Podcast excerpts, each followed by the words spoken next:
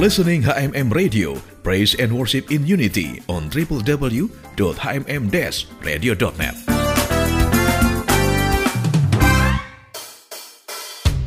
Sobat HMM, maraknya penyalahgunaan narkoba terutama oleh generasi muda saat ini sangat membahayakan keberlangsungan hidup bangsa ini di kemudian hari. HMM Radio sesaat lagi akan menghadirkan bincang GMDM, sebuah program hasil kerjasama radio HMM dengan Bakornas GMDM, Badan Koordinasi Nasional Gerakan Mencegah Daripada Mengobati. Selamat mengikuti.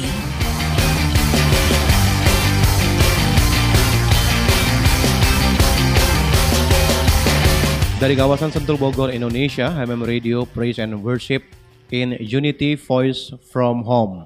Ya, Sobat HMM, kita masih siaran dari rumah dan seperti biasa di hari ini kami hadirkan talk show dengan GMDM Garda Mencegah dan Mengobati.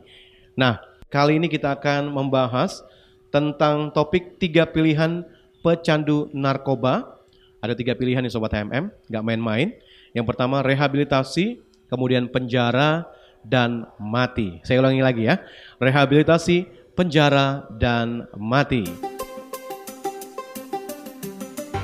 Jika seorang pecandu tersebut merupakan sebuah uh, generasi bangsa atau pemuda bangsa, ada baiknya jika mereka hanya melalui proses rehabilitasi. Karena setiap manusia berhak untuk mendapatkan rehabilitasi dari berbagai jenjang dan umur. Jadi menurut saya rehab adalah jalan terbaik untuk seorang pecandu.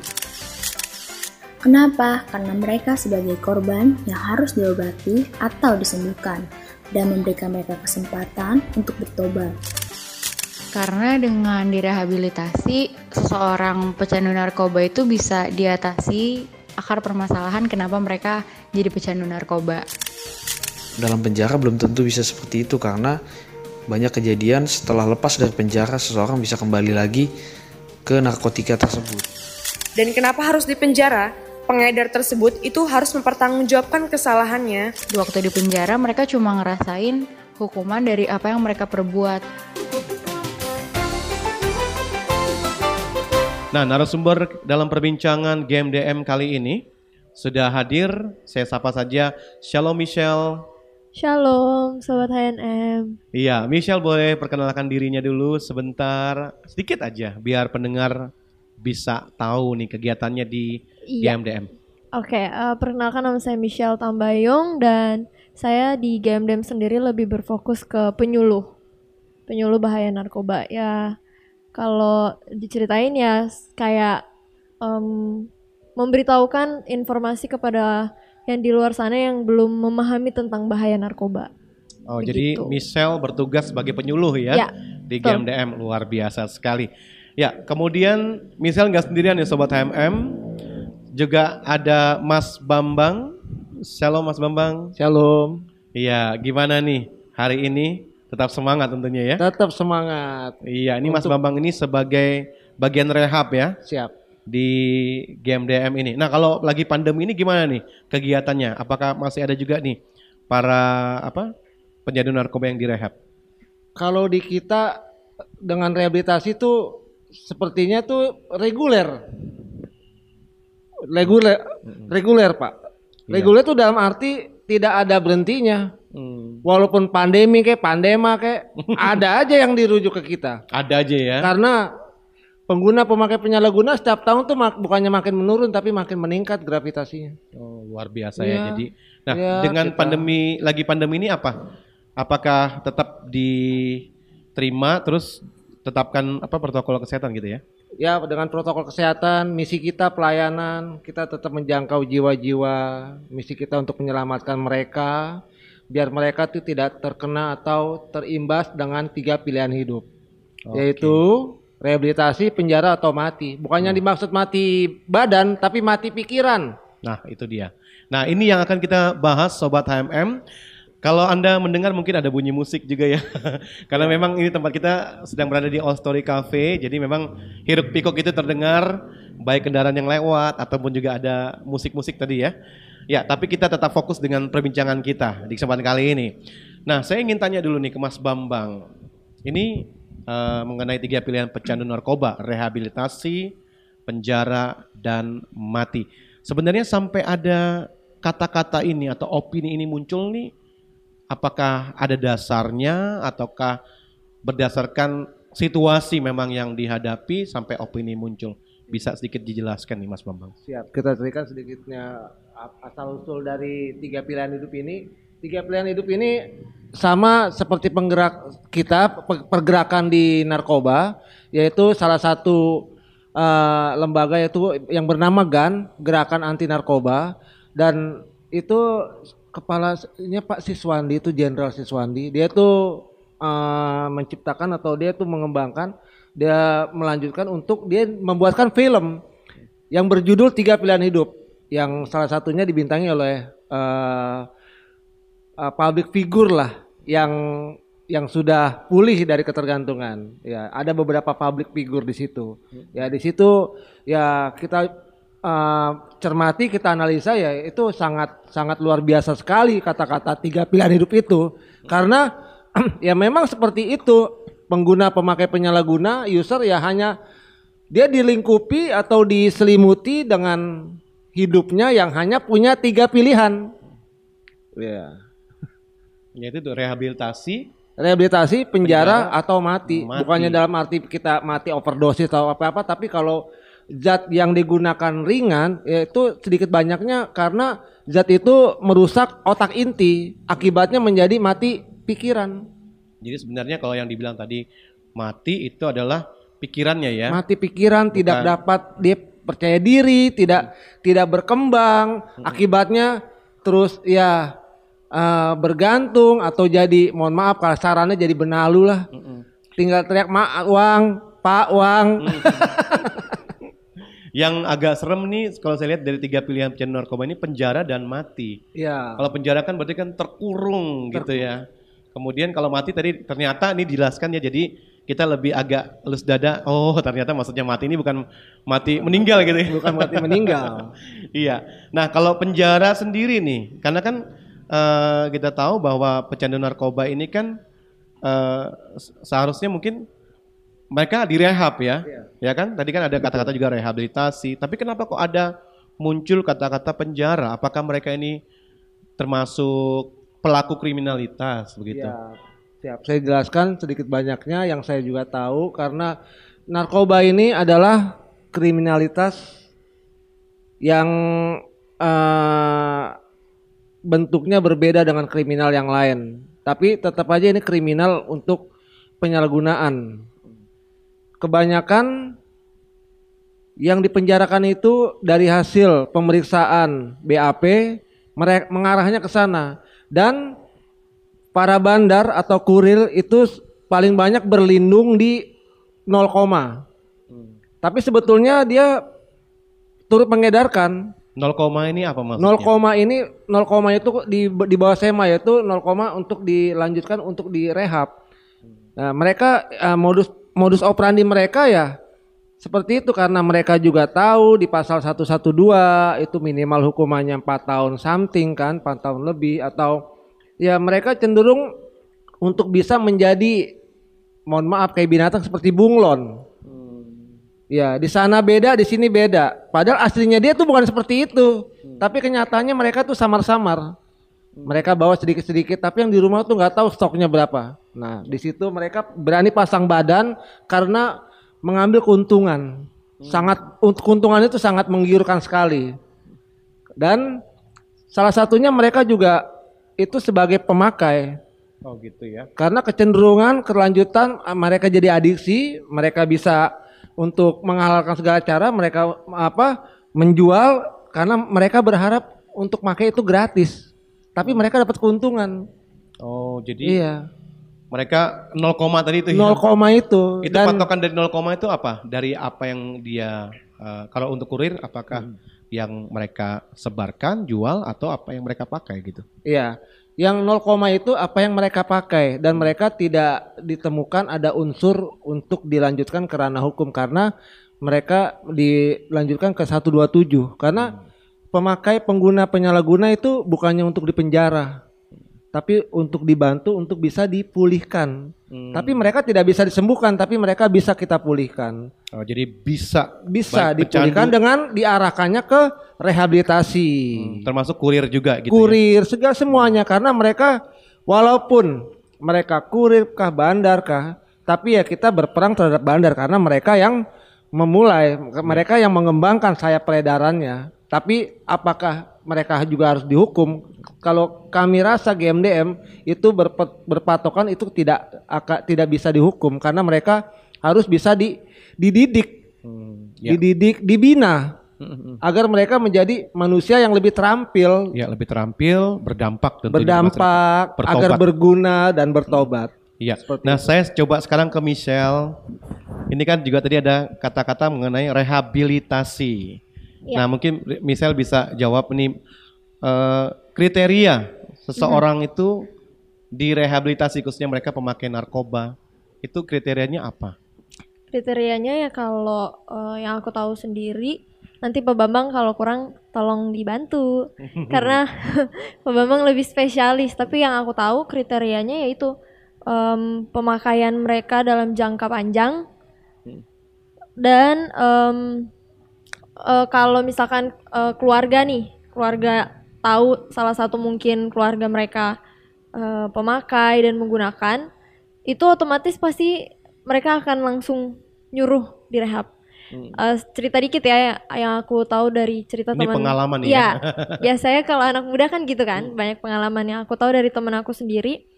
Belum lama juga dia cerita, dia habis pusing, stres, dia bener-bener gak pernah dia nggak pernah make. Tapi karena dia udah stres frustasi akhirnya dia buka mulut sama aku dan dia ngomong ya gue belum lama.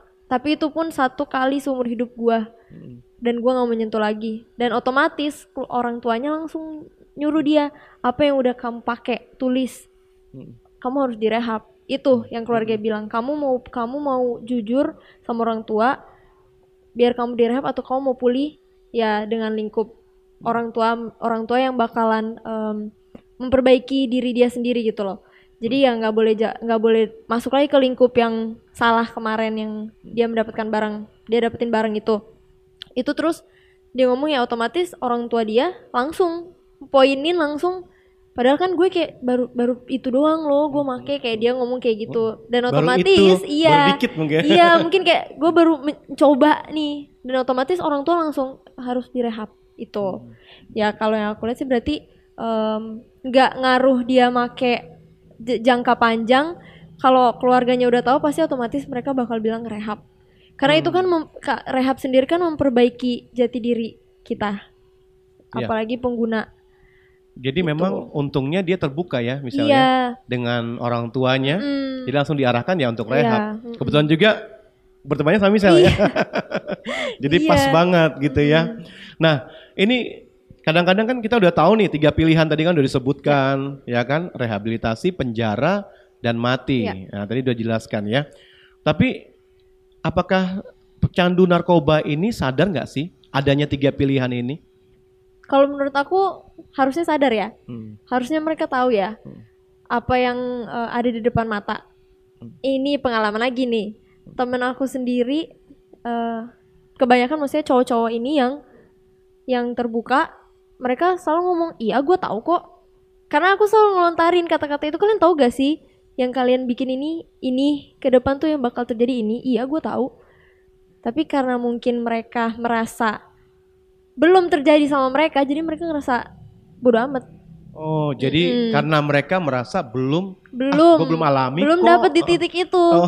nah itu yang aku selalu bilang mestinya anak-anak muda ini belum kejadian di hidup mereka Hmm. mereka nggak bakal kapok Oh, gitu. Jadi Mm-mm. sebelum kejadian ya mereka nggak bakal kapok betul. gitu ya. makanya maksudnya aku cara pribadi selalu ngomong oh ya udah berarti harus nimpa lo dulu ya Hmm. gitu Iya, mungkin harus seperti tadi itu penjara dulu mungkin kali ya, baru ke ketangkep dulu Hmm, hmm. apa gimana harus kejadian ah enggak lah gue nggak bakalan inilah gue ya ya gitu Ini kalau misalnya jelasin ini benar-benar anak Aku muda banget ya.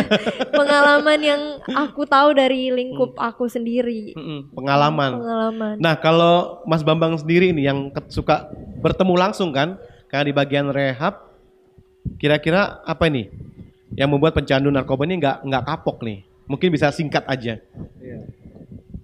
Ya, Terima kasih waktunya. Kalau menurut saya di di ranah untuk rehabilitasi karena saya banyak berinteraksi dengan ya para di bidangnya lah para pemakai-pemakai atau para dari rujukan dari keluarga. Itu kebanyakan mereka relief relief tuh bahasa rehabilitasinya tuh mereka menggunakan lagi. Karena satu juga sebabnya tuh masalahnya tuh dari dalam. Dari keluarga dari ruang lingkup keluarga dari ruang lingkup keluarga karena eh, keterbatasan untuk eh, berkomunikasi terus eh, terus juga keterbatasan untuk perhatikan terus juga iya, di di keluarga juga cenderung menghakimi atau menstigma mengucilkan. Nah itu dan itu kategori keluarga yang tidak bisa membentengi karena sesungguhnya benteng utama adalah keluarga Jadi Nah. karena adanya penolakan keluarga, kemudian stigma, Iya, stigma. itu yang buat mereka akhirnya lupa dengan relief tiga pilihan lagi, ini mungkin ya. Ya Nggak mereka kapok gitu ketemu ya. teman-temannya, mereka teman-temannya merasa mereka di di diperhatikan, temannya merasa sayang sama dia. Ya. Jadi merasa temannya di ah, baik sama dia. Jadi dia juga ada juga di komunitas yang salah juga. Jadi Ya. apa pun yang temannya tawarkan cenderung mereka nggak bisa menolak. Jadi selalu hal itu ya, Hal itu sebab dan akibat. komunitas pergaulan mereka. Komunitas pergaulan Nah, ini Mas Bambang sebelum kita lanjut nih, ini cukup menarik ya. Tiga pilihan eh, pecandu narkoba, yaitu direhabilitasi, penjara dan mati. Sebelum kita lanjut perbincangan kita, kita mau diberkati dahulu ya dengan satu pujian berikut ini. Tetap bersama kami di HMM Radio Praise and Worship in Unity. Keluarga itu buat saya adalah tempat yang paling nyaman di muka bumi ini. Tuhan berikan keluarga sebagai tempat menaruh segala perasaan, baik itu senang ataupun sedih. Keluarga adalah lembaga terkecil yang Tuhan bentuk atau ciptakan. Keluarga itu bukan hanya sekedar sekumpulan orang yang memiliki ika- ikatan darah dengan kita, tetapi keluarga itu adalah rumah di mana kita bisa berpulang ketika kita lagi di low position in life. Keluarga itu bisa jadi healing pills, bisa jadi penyembuh, bisa jadi obat waktu kita lagi eh, ngehadapin semua hal-hal yang nggak baik yang terjadi di dalam hidup kita. Keluarga menurutku adalah suatu ruang atau tempat di mana bisa bebas melakukan apa pun atau berekspresi seperti apa tanpa adanya diskriminasi atau judgement terhadap kita. Dan bisa jadi pilihan sandaran ketika berada di titik terlemah kita dari hiruk pikuk dunia luar gitu dengan cukup berada di tengah mereka itu udah berikan ketenangan dan kenyamanan.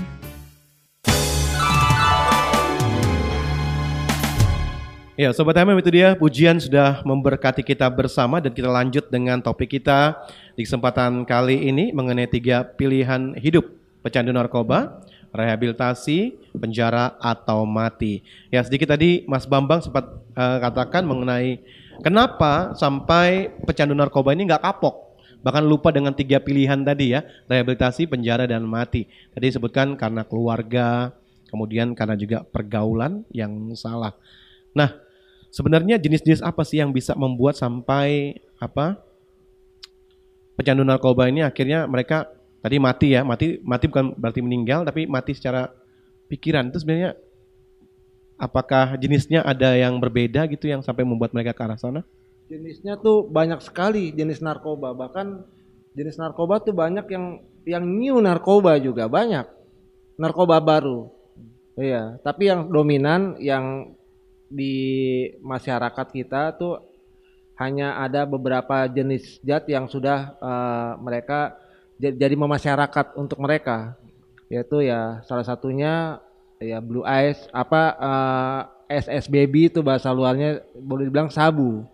Sabu atau ganja atau obat-obatan terlarang.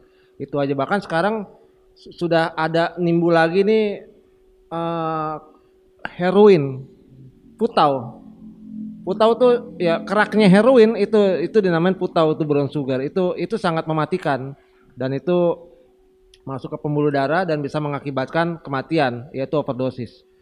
Ya, Mati yang ini mati yang meninggal maksudnya ya. mati yang meninggal. Tapi kalau untuk sabu itu banyak juga dia meninggal karena ya dia sudah kena paranoidnya.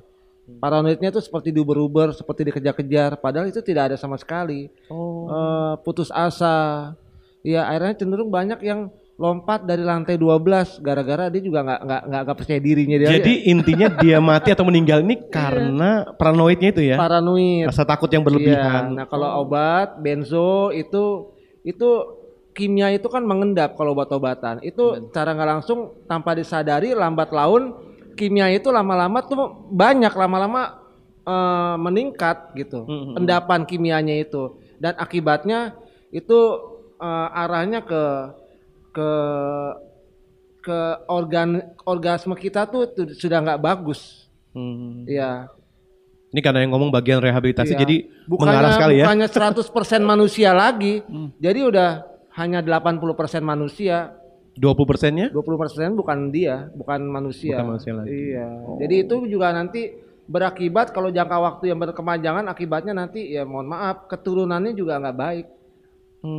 Iya arahnya. Jadi ke air maninya juga nggak stabil, nggak bagus. stabil, jadi nggak bagus Nggak untuk normal, nggak keturunan sehat, ya. Karena sudah dipengaruhi, sudah di sudah di sudah ada eh, dari narkoba itu.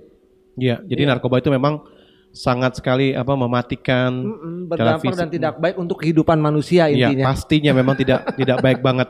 Nah, sekarang saya ke Michelle nih, Michelle. Bisa ceritakan mungkin ada pengalaman ini.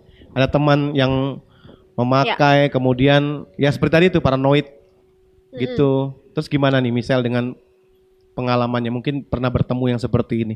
Em, kalau temen-temen sendiri yang di lingkup aku tuh eh, rata-rata temen-temen mereka yang lebih mungkin lebih lama pemakaiannya dari mereka atau mungkin eh, mereka mereka dapat rata-rata dari mereka yang di atas mereka yang tem ibaratnya teman-teman aku sendiri ya teman-temannya mereka lagi lah Mm-mm.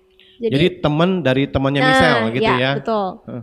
Kalau eh, paranoid banyak, mereka sering cerita sih. Karena apa ya? Aku kalau berteman pasti aku tanya, karena itu kan pengetahuan buat kita sendiri juga kan. Ya jadi kalau misalkan paranoid, kadang tuh eh, yang mereka cerita tuh kadang eh, iya temen gue saking udah ba- banyak make obat, otaknya udah nggak nyambung.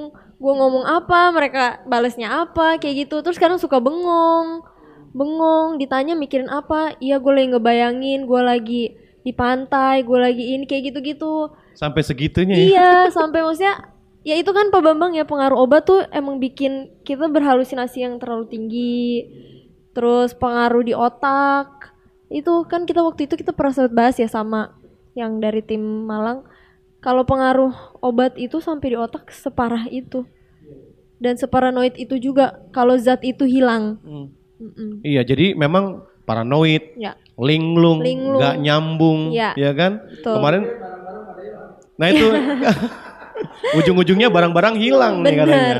Iya, Iya. sempat kemarin tuh dibahas 7B. Ya, betul. Nah itu salah satunya yang nggak enak juga kita nyebutin sebenarnya.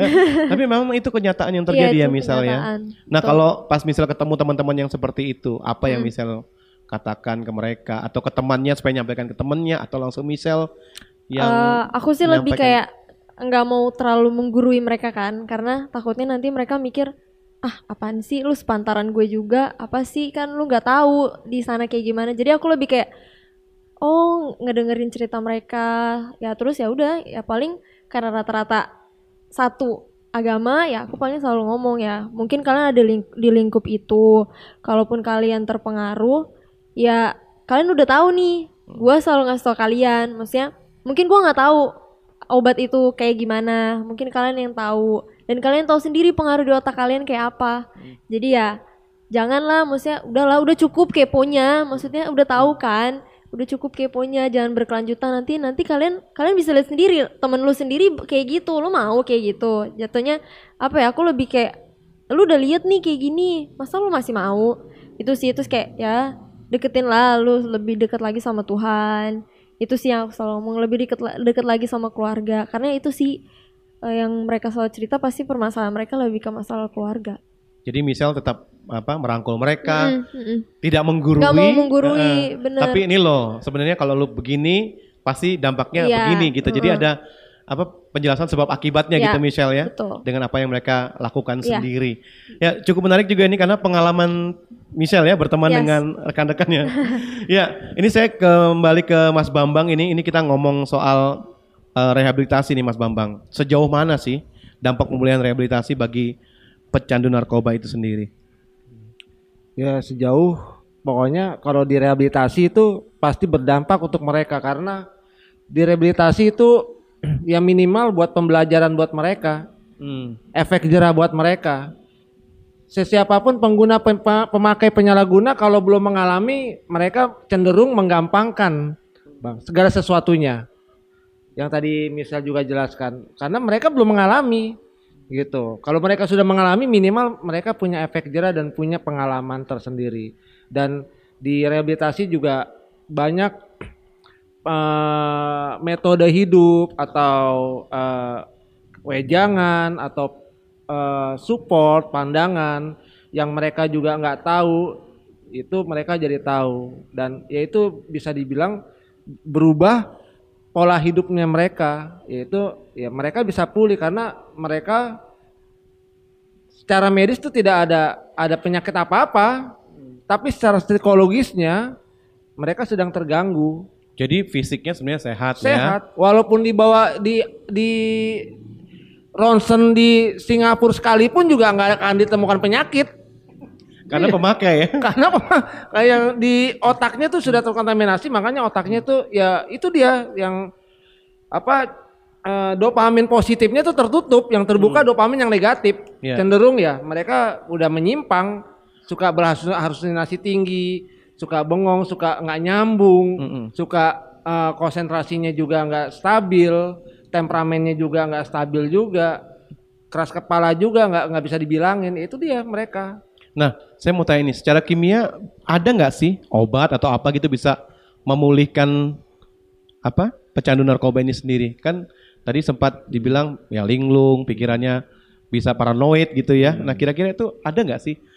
Kalau obat itu ya melihat dari kadar skor untuk pemakai. Kalau dia sudah tin, apa gejala parah atau adiksi itu mungkin kita kasih obat eh, antidepresan seperti kita kasih tramadol cuman menurut anjuran dokter atau Valium. Ya, tapi tetap semuanya pada anjuran ya. Pada anjuran. Hmm, nggak Tapi, nggak sembarangan. Iya, tapi kita di GMDM tidak ada toleransi sih sama zat itu.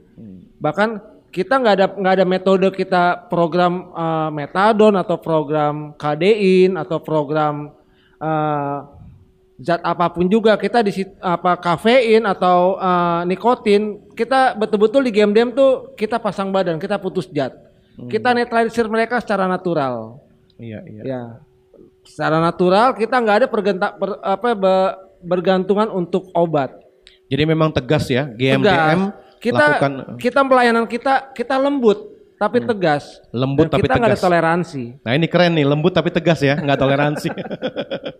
nah ini eh, Mas Bambang sebelum kita break sebentar, saya mau tanya ini kan sebentar kemarin kita sempat eh, bertanya juga kan dalam perbincangan kita itu bagaimana misalnya menemukan mereka yang pecandu narkoba ini direhab di GMDM itu sudah pulih, tapi mereka kembali lagi nih karena apa jatuh pada hal yang sama. Iya. Itu gimana nih Mas Bambang menanggapinya?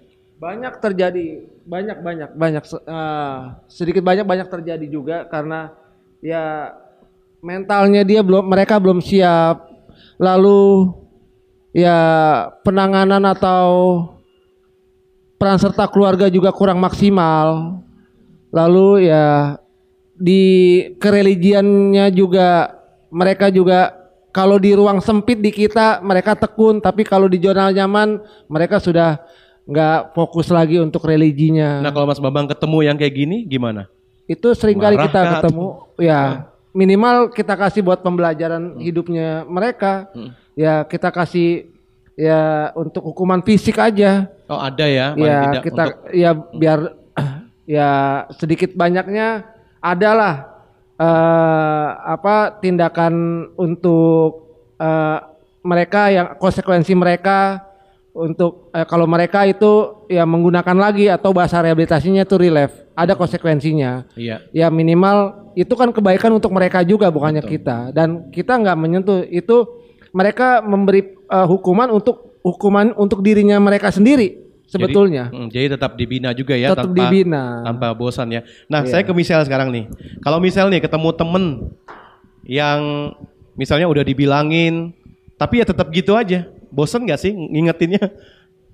Em, apa ya? Kalau ketemu mereka tuh rata-rata eh, cerita-cerita mungkin karena tahu aku orangnya tipenya eh, nggak memungguruin, nerima cerita mereka, terus kasih mereka nasihat, tapi ujung-ujungnya ntar ceritanya gitu-gitu lagi. Tetap sih aku selalu ngomong sih ya, lu lu kasih tau gua, tapi kan kalian tahu udah, udah kalian udah tahu sendiri. Kadang tuh mereka kalau misalkan udah cerita kayak gitu, kadang aku yang selalu nge nge-cut Mm-mm. omongan mereka gitu loh kayak ya udahlah udah tahu kan kayak gimana tapi rata-rata enggak sih mereka rata-rata tetap nerima apa yang aku ceritain eh apa yang aku kasih nasihat ke mereka bukan secara menggurui tapi kayak secara temen lagi ngomong sama teman jadi em, kalau misalkan eh, mereka nggak terima pasti mereka langsung kayak ah udahlah gue udah males cerita sama lu kayak gitu Jadi Enggak mereka sendiri yang males Iya, ya? Misalnya mah heeh. siap aja. iya jadi ya enggak sih tapi rata-rata mereka kayak nggak terlalu em, eh, nggak terlalu nggak nggak nggak nggak mau cerita yang kayak eh, ah udahlah gue udah nggak ini sama Michelle gitu nggak mau lagi deh karena udah bosen dengernya gitu enggak sih Hmm. tapi pasti ada aja ujungnya cerita Dia tetap aja ya. Heeh. Padahal topiknya sama. Ya itu itu aja. Iya. Tapi Michelle tetap setia ya mendengarkan Iya. ya. Wah luar biasa ini Michelle tetap setia mendengarkan. Kami juga harap pendengar HMM juga setia mendengarkan siaran Iya. kami, apalagi talkshow dengan GMDM ini.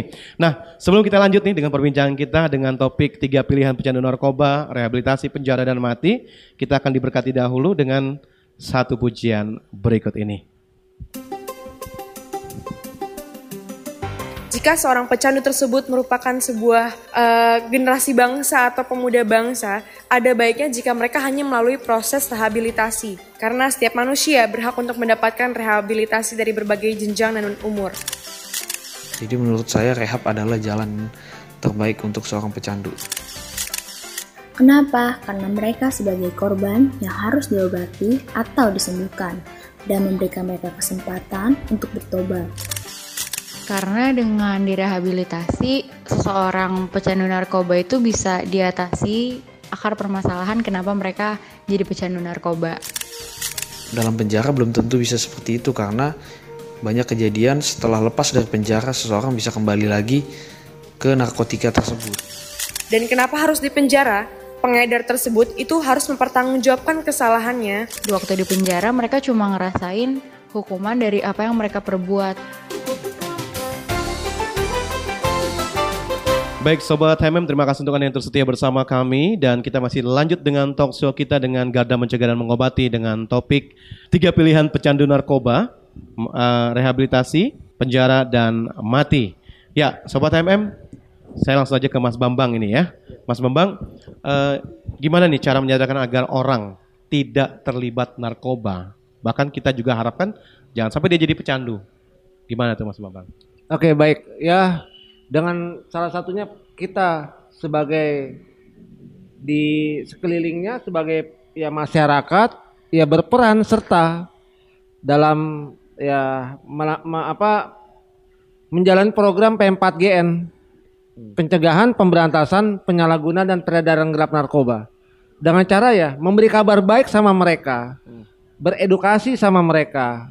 Dengan yang GMDM jalani program yang sampai sekarang ini dengan em, me- mengadakan penyuluhan-penyuluhan. Itu. Jadi mereka yang nggak tahu jadi tahu. Mereka yang nggak yang nggak mengenal jadi mengenal.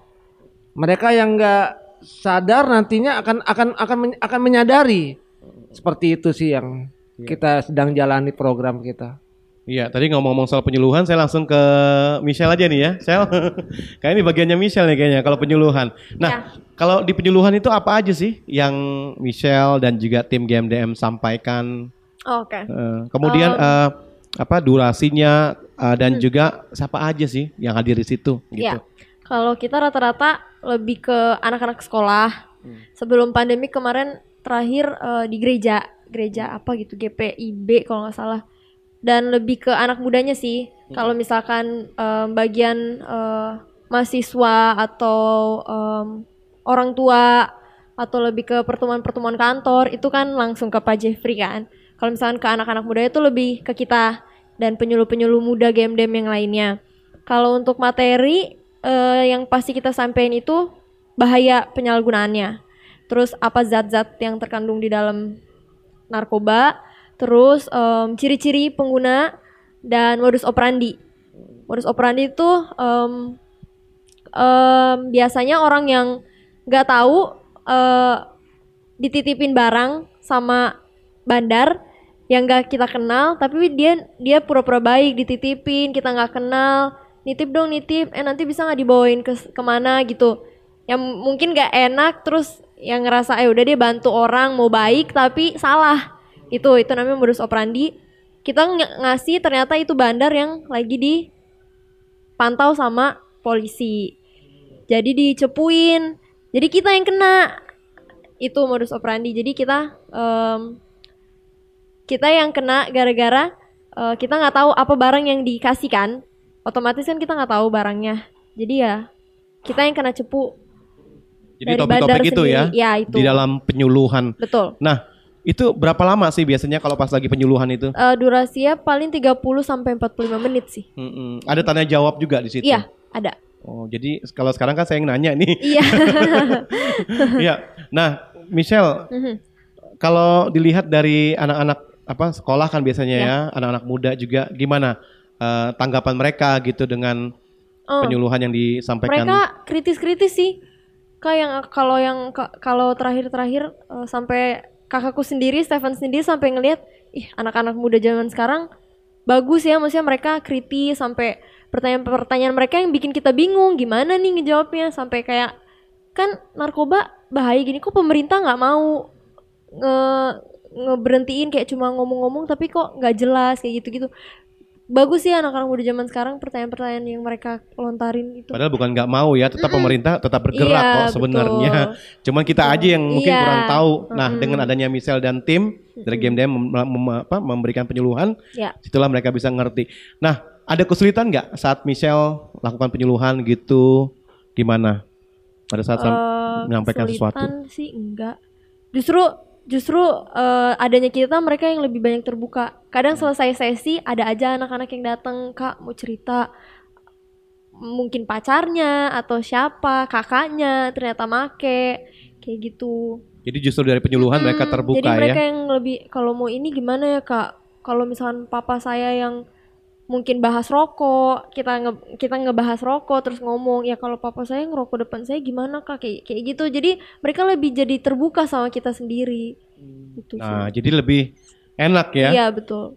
Makanya jadi memang penting sekali kita terus menggerakkan Iya. masalah bahaya narkoba ini Betul. tentunya. Karena mereka di luar banyak banget pengat- pengetahuan narkoba yang mereka nggak tahu sama sekali. Hmm, Jadi dengan adanya penyuluhan ini Mm-mm. memang penting banget ya, apalagi anak-anak muda. Nah, kita sudah di penghujung talk show kita nih, Mas Bambang dan juga Michelle. Ya. Mas Bambang ini udah sibuk banget nih kayaknya ini. nah, untuk Michelle dulu nih, satu kata tentang bahaya narkoba.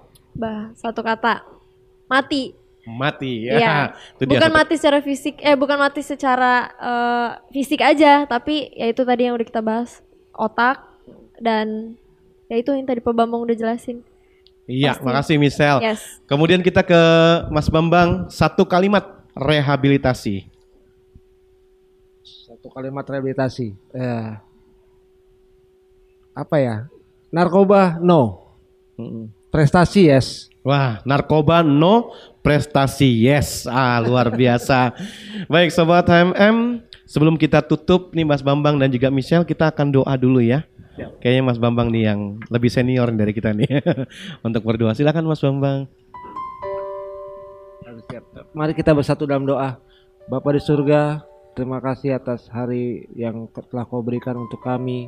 Untuk memberitahukan kita beredukasi tentang bahaya eh, keterlibatan atau bahaya penggunaan narkoba yang sedang dialami oleh bangsa kami, oleh eh, anak-anak bunda, anak-anak muda dan Tuhan kami ingin mereka dapat pulih dan kami ingin mereka dapat berprestasi dan kami nggak nggak ingin atau kami nggak rela regenerasi kami uh, menjadi korban penyalahgunaan narkoba Tuhan. Tuhan inilah hidup kami agar kami bisa memberi kabar pada mereka kalau narkoba itu sangat tidak baik untuk kehidupan mereka Tuhan. Tuhan ubahlah sentuh sentuhlah uh, hati dan jamahlah hidup mereka yang mereka masih menggunakan, pulihkan mereka, sadarkan mereka agar mereka dapat mengerti arti makna kehidupan yang sebenarnya Tuhan. Tuhan, terima kasih Tuhan untuk waktu yang ada, waktu yang indah yang telah Kau percayakan untuk kami. Terima kasih Tuhan. Dalam nama Tuhan Yesus, Tuhan dan Juru Selamat kami, kami berdoa dan mengucap syukur. Haleluya. Amin. Amin. Terima kasih Michelle Tambayong. Terima kasih juga Mas Bambang buat waktunya. Dan Sobat HMM Anda telah mengikuti perbincangan dengan GMDM Garda Mencegah dan Mengobati dengan topik tiga pilihan pecandu narkoba, rehabilitasi, penjara, dan mati. Nantikan perbincangan kami selanjutnya bersama GMDM dengan topik menarik seputar penyalahgunaan dan pemberantasan terhadap narkoba untuk menciptakan Indonesia bersinar bersih dari narkoba. Dari All Story Cafe, Obet undur dari ruang dengar Anda. Tetap bersama kami di HMM Radio Praise and Worship in Unity Voice from Home. Sobat HMM, Anda baru saja mengikuti Bincang GMDM, sebuah program hasil kerjasama Radio HMM dengan Bakornas GMDM, Badan Koordinasi Nasional Gerakan Mencegah Daripada Mengobati. Terima kasih atas kebersamaan Anda. Sampai jumpa.